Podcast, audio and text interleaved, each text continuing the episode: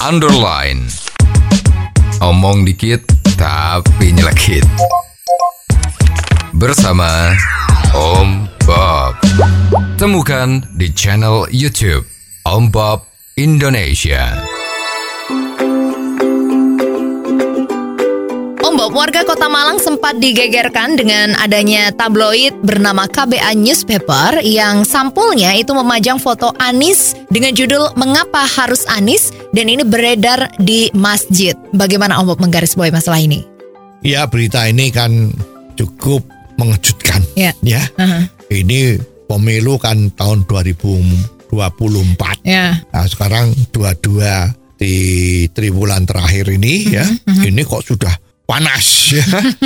itu ada tabloid yang diterbitkan oleh KBA newspaper itu ternyata sudah beredar Ya. di sebuah masjid di Malang Betul. ya itu dibagi-bagikan gratis ya dengan cetakan yang warna-warni cukup bagus ya dan dalamnya itu ya boleh dikatakan itu kalau orang umum ya ini kampanye terselubung Ya. ya Ya. Karena seperti kita ketahui kan Anies itu kan boleh dikatakan itu kan prestasinya itu kan dianggap enteng ya. jadi waktu jadi pejabat menjabat sebagai gubernur di Jakarta itu kan dianggap tidak ada prestasi. Apa yang dikatakan ya itu tidak terwujud sesuai dengan apa yang dijanjikan. Ya. Ya. Nah, kemungkinan kan biasanya kan suka nyanyi seperti yang populer itu kan lidah tidak bertulang ya jadi janjinya itu nggak sesuai dengan apa yang terjadi Ya. gitu kan Ya.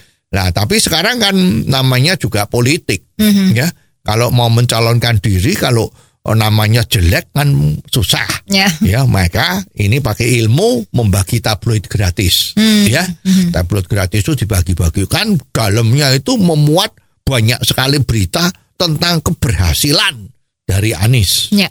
nah itu agar supaya Hmm. paling sedikit ya golongan-golongan tertentu tadi itu yang menerima tabloid ya Ya. itu kan pemikirannya jadi bisa berubah ya tidak merasa loh selama ini kok dikatakan prestasinya nggak bagus ya Ya. Ya. ya. kok janjinya tidak sesuai dengan kenyataannya ya. Ya. ya. Banyak itu Betul. DP 0 rupiah ya. Terus itu yang namanya mengatasi banjir itu ya. Itu pakai yang istilahnya naturalisasi sungai. Yang ternyata banjir tetap ada ya.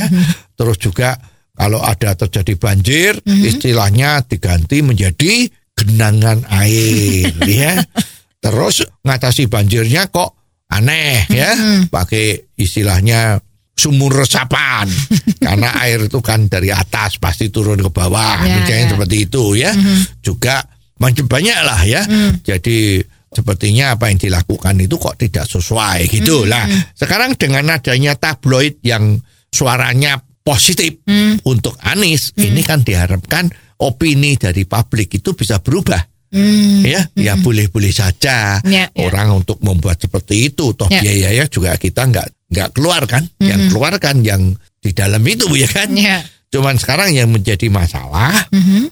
bolehkah tempat ibadah itu dijadikan ajang kampanye politik Ya. nah pertanyaannya menjadi itu Mhm. nah sekarang menjadi problem juga Mhm.